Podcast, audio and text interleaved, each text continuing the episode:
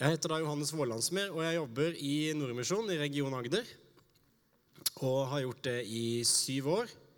Um, også i tillegg til å jobbe dager, nei, to dager i uka pluss i, i, regionen, så jobber jeg som tømrer i Grimstad-Arendal-området. Så jeg har hatt den kombinasjonen i, i noen år nå. Ove sa jeg skulle si bitte litt om meg sjøl, så da har jeg sagt det. Og så kan jeg si det at, eh, at jeg bor i Grimstad og har én kone, tre barn, ti høner, to katter og to griser. Så da har, nå fikk dere liksom hele familietreet. Ja. Men eh, Det er kanskje fælt å si det, men de to grisene, de eh, Du skal hilse på de levende, så må du komme snart. Så det er ikke sånn kose-minigris.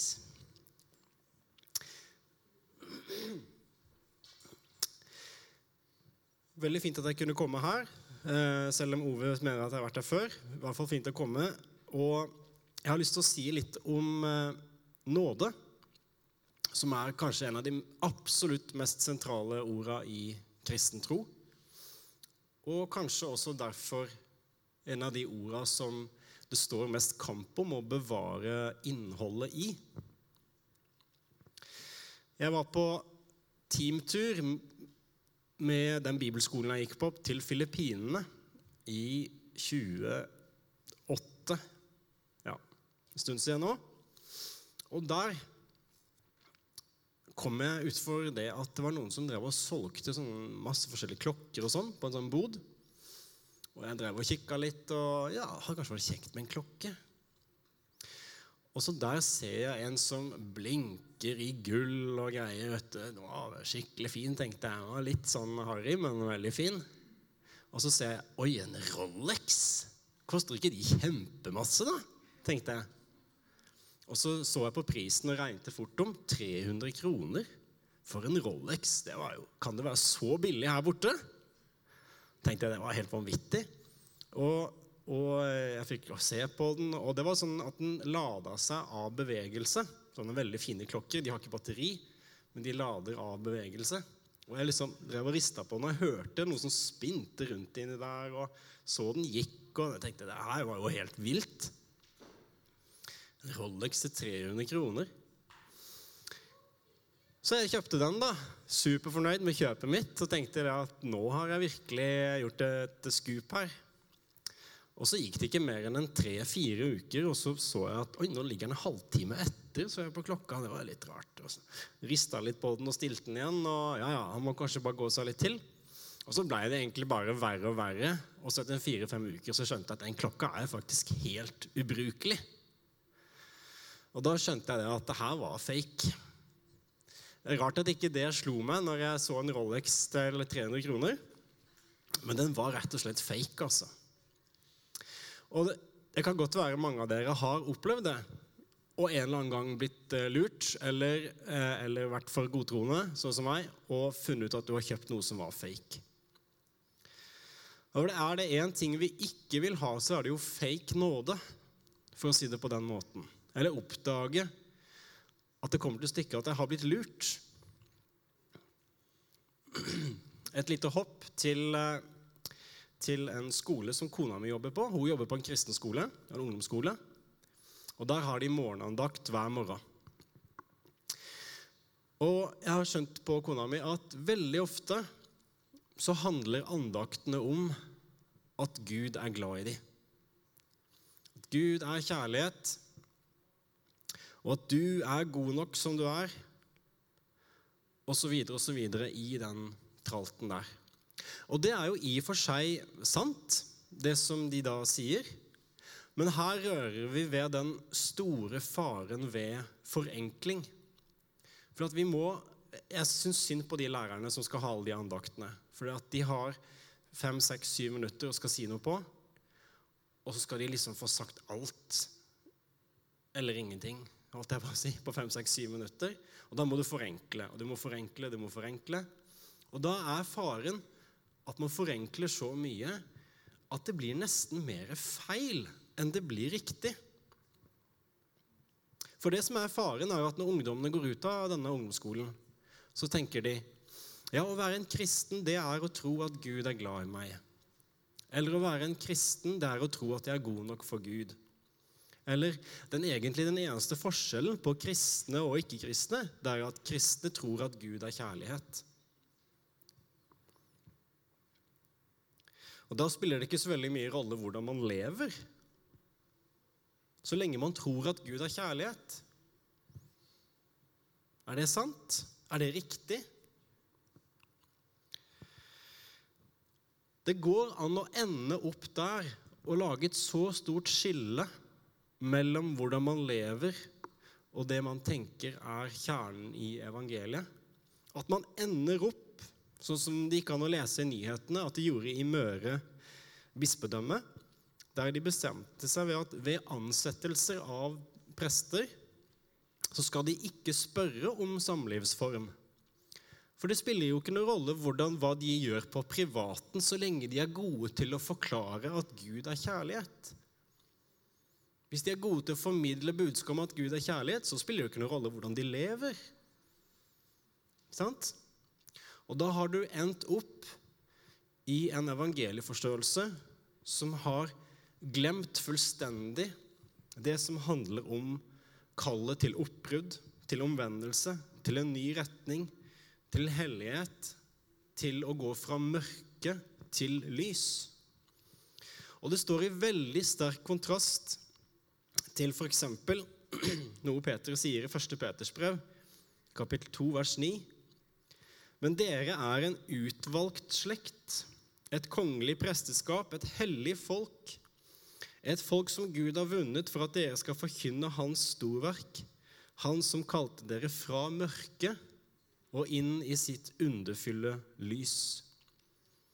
Eller som Peter sier litt tidligere i 1. Peters brev, som lydige barn skal dere ikke lenger la dere lede av lystne, som dere fulgte den gangen dere levde i uvitenhet. Han som kalte dere, er hellig. Slik skal også dere være hellige i all deres ferd. For det står skrevet, dere skal være hellige, for jeg er hellig. Det Peter skriver der, det er veldig langt unna den tanken om at ja, det spiller ikke så veldig mye hva du gjør på privaten, så lenge du er god til å formidle at Gud er kjærlighet. Det står i veldig sterk kontrast til det han sier, at dere skal være hellige fordi Gud er hellig.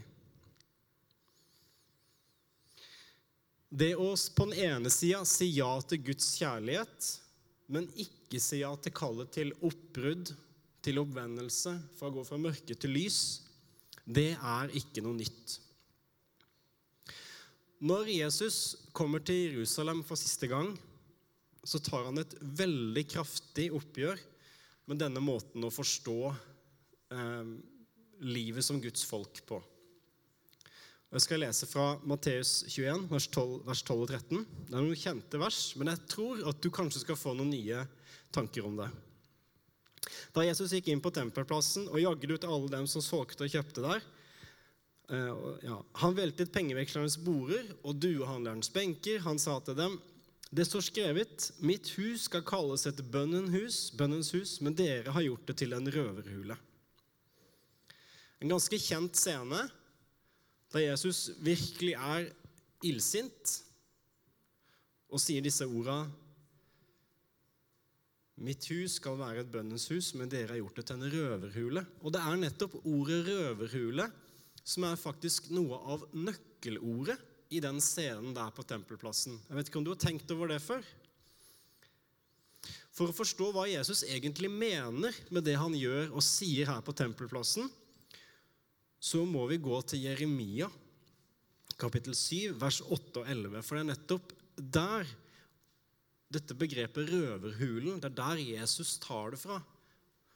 Jødene som var fullstendig bevandra i Gammeltestamentet, de hørte nok denne linken, men vi i dag vi skjønner ikke den linken bare sånn automatisk. Men det er en link i det Jesus sier der, til Jeremia 7. Og der står det Se, dere stoler på falske ord som ikke kan hjelpe. Dere stjeler, slår i hjel, bryter ekteskapet, sverger falskt, tenner offerild til bal og følger andre guder som dere ikke kjenner. Og så vil dere stå og komme for mitt ansikt i dette huset som mitt navn er ropt ut over, og si:" Vi er berget, selv om dere gjør alt dette som er avskyelig. Er det blitt en røverhule i deres øyne, dette huset mitt navn er ropt ut over? Også jeg kan se, sier Herren. Så det som altså Jeremia sier, er at på den ene sida så gjør dere alle disse dumme tinga. Dere stjeler, dere dreper, dere bryter ekteskapet, dere sverger falskt, dere tjener andre overguder. Og så kommer dere til tempelet så bare Å, vi er berget. Vi har tempelet. Og så sier han, er det blitt en røverhule? Og Ved å gjøre denne linken til Jeremia så går Jesus rett i strupen på det dypeste problemet, nemlig den falske nåden, den fake nåden. For nå må dere henge med. For hva slags beskyttelse er det røvere søker i en røverhule? Er det nåde røverne søker i røverhulen? Nei, det er en beskyttelse fra å bli oppdaga. Det er en beskyttelse fra å bli sett. De søker beskyttelse, men ikke nåde. Og hva gjør røverne med tyvegodset i en røverhule? Overgir de det? Nei, de skjuler det. Det Jesus sier her gjennom disse referansene som jødene skjønte, som kanskje ikke vi skjønner sånn automatisk i dag, det er at dere kan ikke rive nåde og omvendelse eller nåde og kallet til oppbrudd fra hverandre. Finner røverne nåde i røverhulen? Nei, for det er egentlig ikke den de leter etter. Det er ikke nåde de spør etter.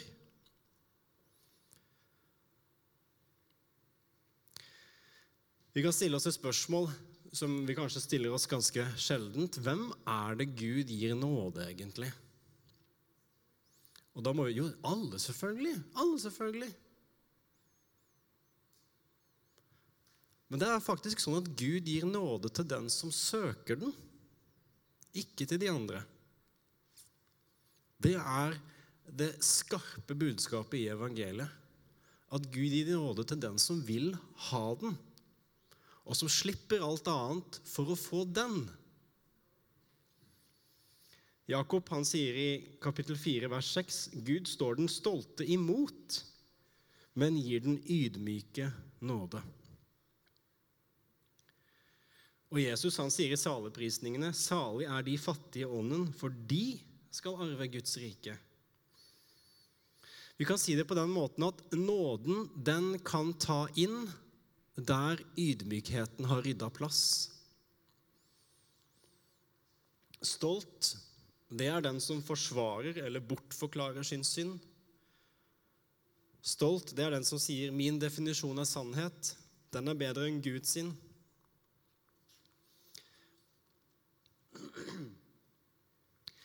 Og så kan vi tenke ja, men det er noen som sier sånn Ja, jeg, jeg er ikke perfekt. Men jeg, jeg er helt ok. Og så tenkte vi å, så ydmyk han er. Men det er ikke ydmykhet. Det er veldig ofte en forkledd stolthet som sier det. For da har, driver du hele tida og befinner deg i det sammenligningsprosjektet, regnestykkeprosjektet, der det er andre mennesker som er det du konstant går og sammenligner deg med. Og da finner du ut at hvis jeg i hvert fall sammenligner meg med de, så er jeg egentlig ganske ok. Og da må jo Gud være fornøyd med meg. Da slipper jeg jo inn i himmelen, for jeg er jo gjennomsnittlig god.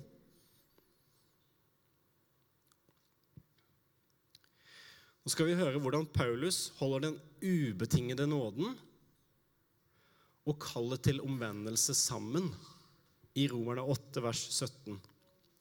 Der sier han Men er vi barn, da er vi også arvinger. Vi er Guds arvinger og Kristi medarvinger. Så sant vi lider med ham, så skal vi òg få del i herligheten sammen med ham. Arvinger, troens gave på den ene sida, og på den andre lidelse og etterfølgelse. Og Vi kan stusse på Paulus sin formulering når han sier 'arvinger så sant vi lider med ham'. Ja, men i all verden! Krav og forpliktelser. Da kan det jo ikke være av nåde. Jeg tror vi har veldig lett for å tenke sånn i dag. Hvis man er frelst av nåde, så kan det ikke være noen krav og forpliktelser. Ellers så er det ikke ekte nåde.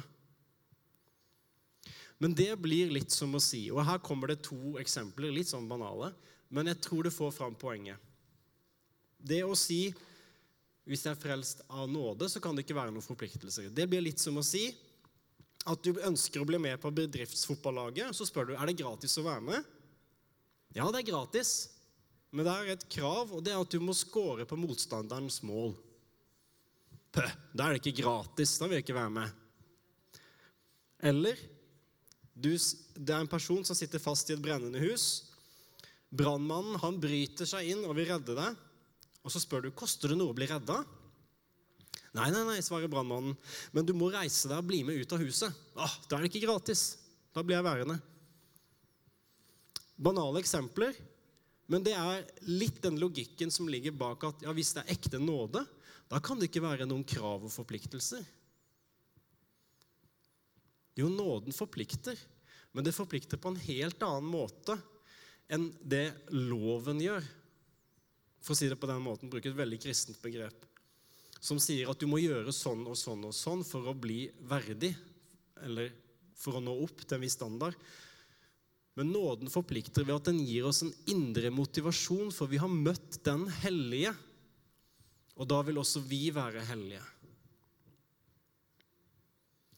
Et veldig dramatisk spørsmål som vi kan stille oss sjøl. I min forståelse av nåden leder du deg selv til røverhulen, eller leder du deg selv til korset? I din forståelse av nåden, leder du deg sjøl til røverhulen, eller leder du deg til korset?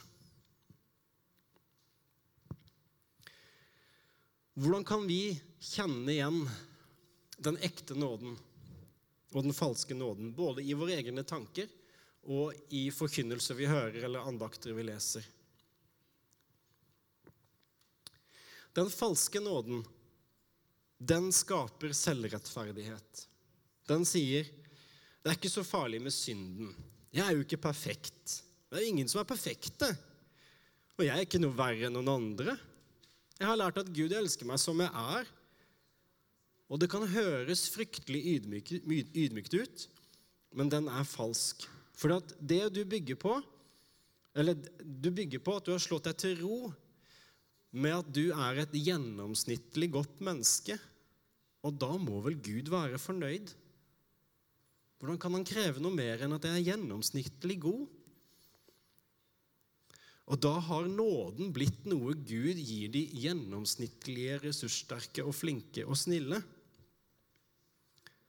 Den ekte nåden, den vet at i møte med Guds rettferdighet så har vi ingenting å stille opp med.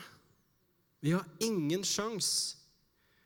Og derfor inviteres absolutt alle, uansett hvor rotete eller ryddig livet har blitt, så er du invitert til å ta imot på akkurat samme vilkår som alle andre. Uansett, helt irrelevant hvordan livet har blitt. For overfor Guds rettferdighet, der stiller vi helt likt, alle sammen.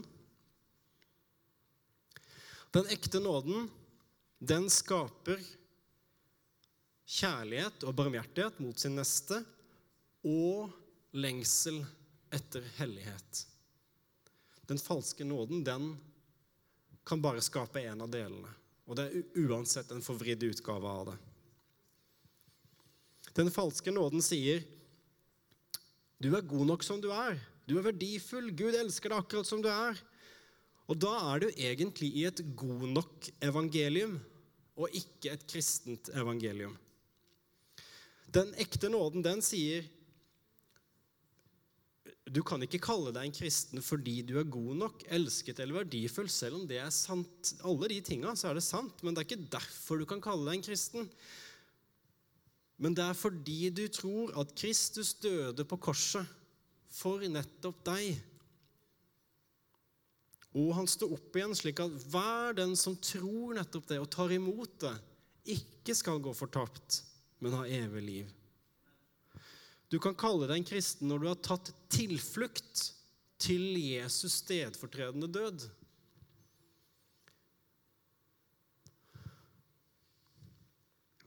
Jeg møtte en gang en mann som, som sa Nei, for meg En flott mann, altså.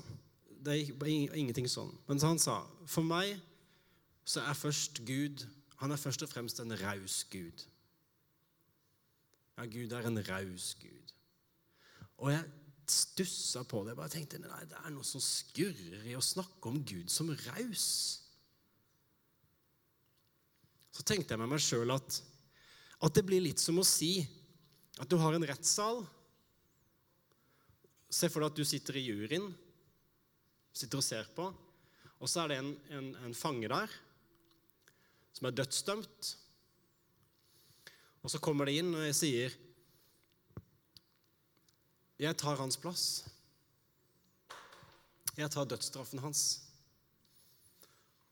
Og alle bare er sjokka.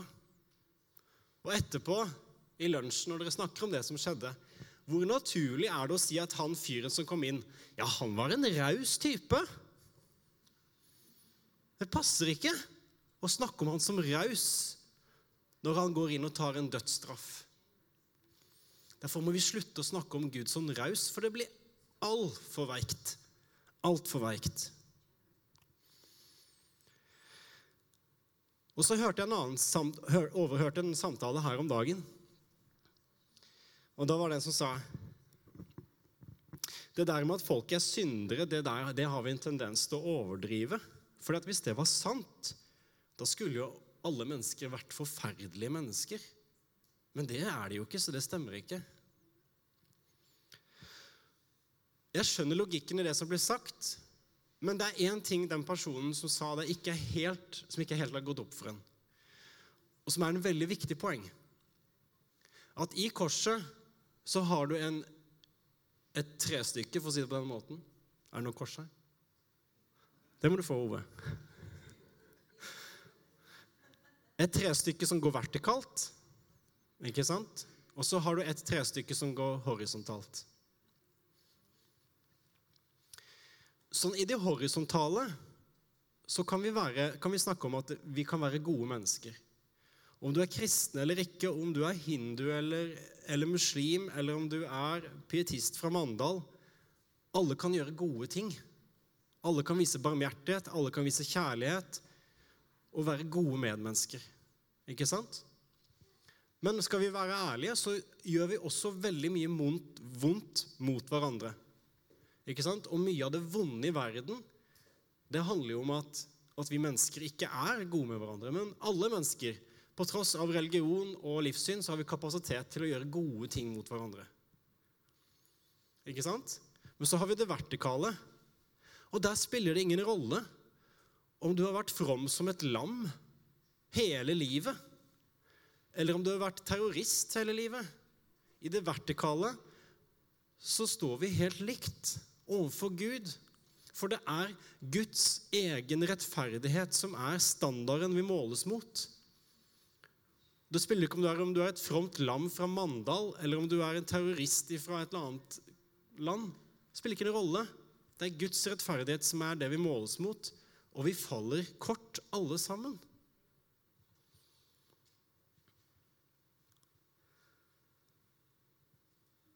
Så når folk sier det er på bedehuset, eller noen de snakker altfor mye at vi er syndere, for folk er jo ikke så ille, da har du ikke skjønt det. At korset har en vertikal og en horisontal side. Hør hva Paulus sier i Romerne 3, fra vers 21 til 27. Men nå er Guds rettferdighet, som loven og profetene vitner om, blitt åpenbart, uavhengig av loven. Dette er Guds rettferdighet For det er faktisk bare den som holder på dommens dag. Det er bare Guds egen rettferdighet som holder. Den gis ved troen på Kristus til alle som tror. Her er det ingen forskjell. Om du er lam, et lam fra Mandal eller noe annet. For alle har syndet og mangler Guds herlighet. Men ufortjent, ikke fordi du tror at Gud er glad i deg, ikke fordi du har akseptert at du er god nok, eller osv., osv., osv. Men ufortjent av Hans nåde blir de kjent rettferdig, frikjøpt i Kristus Jesus. Ham har Gud stilt fram for at han ved sitt blod skulle være et soningssted. Ikke fordi at Gud er raus og i godt humør, et eller annet sånt, men fordi at noen har betalt med sitt eget blod. Slik viste Gud sin rettferdighet for at han tidligere tider har i tålmodighet holdt tilbake straffen fra de syndere som har begått. Men i vår tid vil han vise sin rettferdighet, både at han selv er rettferdig, og at han kjenner en rettferdig som tror på Jesus. Hva har vi da å være stolte av? Ingenting. Hvilken lov sier det? Gjerningenes lov? Nei, troens lov.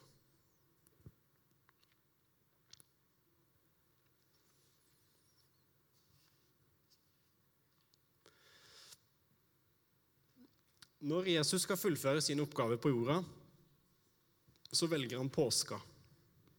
Og det var ingen tilfeldighet. Og når Jesus skulle innstifte nattværen, så gjør han det i påskemåltidet. Og ved å gjøre det på nettopp den måten så hjelper han disiplene til å forstå både hans verk på korset, men også innstiftelsen av nattværen. For hva var det nettopp de feira i påska, i påskemåltidet? Det var utvandringen fra Egypt, at de hadde blitt fridd fra slaveriet.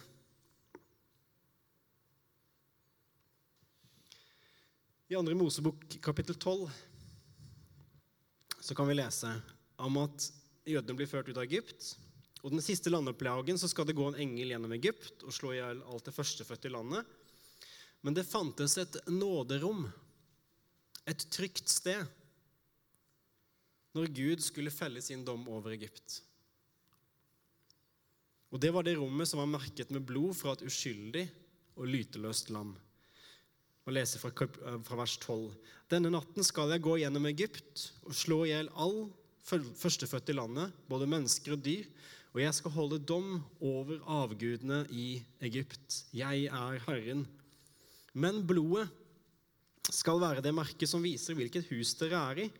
Når jeg ser blodet, vil jeg gå forbi. Ingen ødeleggende plage skal ramme dere når jeg slår Egypt. Det som vi legger merke til her, det er at det ikke står når jeg ser skiltet 'Her bor de passe fromme', eller 'Her bor de som tror at Gud er glad i dem', eller 'Her bor de som tror at Gud er kjærlighet', eller osv. osv. Det står 'Når jeg ser blodet fra lammet, da vil jeg gå forbi'.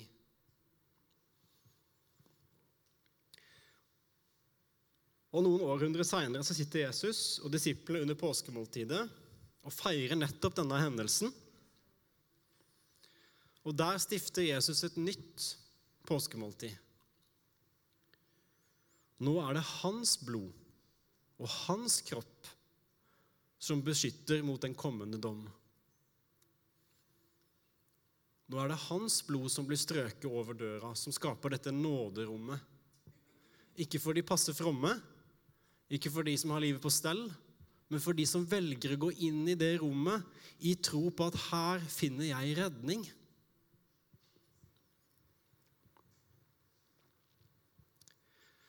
Og da et døgn etterpå så blir nettopp påskelammet slakta. Så blir Jesus korsfesta.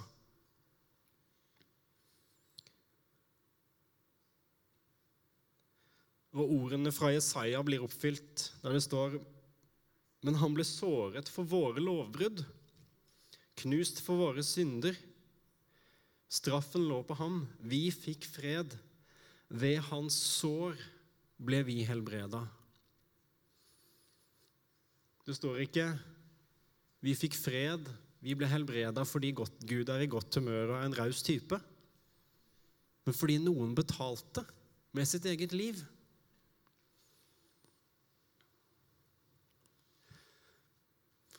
Jeg hører så mye preik i dag om at Gud er raus, og at Gud er kjærlighet, og Gud er glad i oss. Og det er ting som for så vidt er sant i seg sjøl. Men vi må holde fast på det, at du blir ikke en kristen ved å tro at Gud er glad i deg, eller at du er verdifull, selv om det er sant. Men at du tar tilflukt til dette rommet, akkurat som israelittene måtte gjøre. Ta tilflukt til dette nåderommet.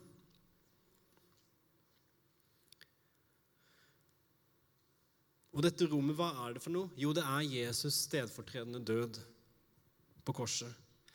Der han ber om å få alt som er ditt, og til gjengjeld så får du alt som er hans.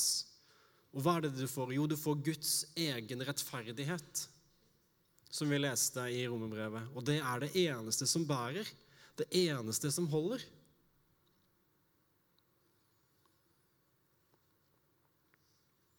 Guds egen rettferdighet. Helt på tross av om livet har blitt rotete og vanskelig og gått på tverke, eller om du har høy eller lav anseelse, men den skjenkes til hver den som tar imot. Fordi noen har betalt for det. Noen har gjort alt ferdig, som Jesus sa. La oss be.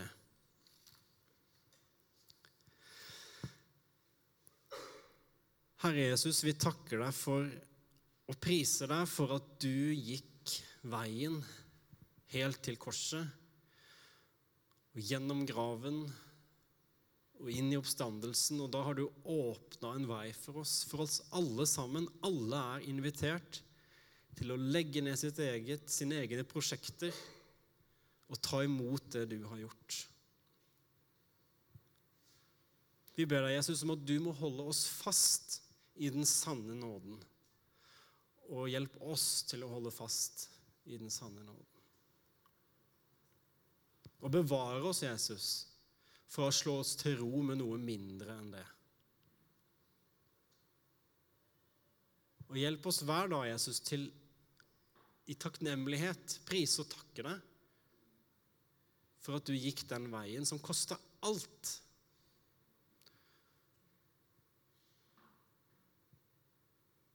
men som gjorde at vi kan vinne alt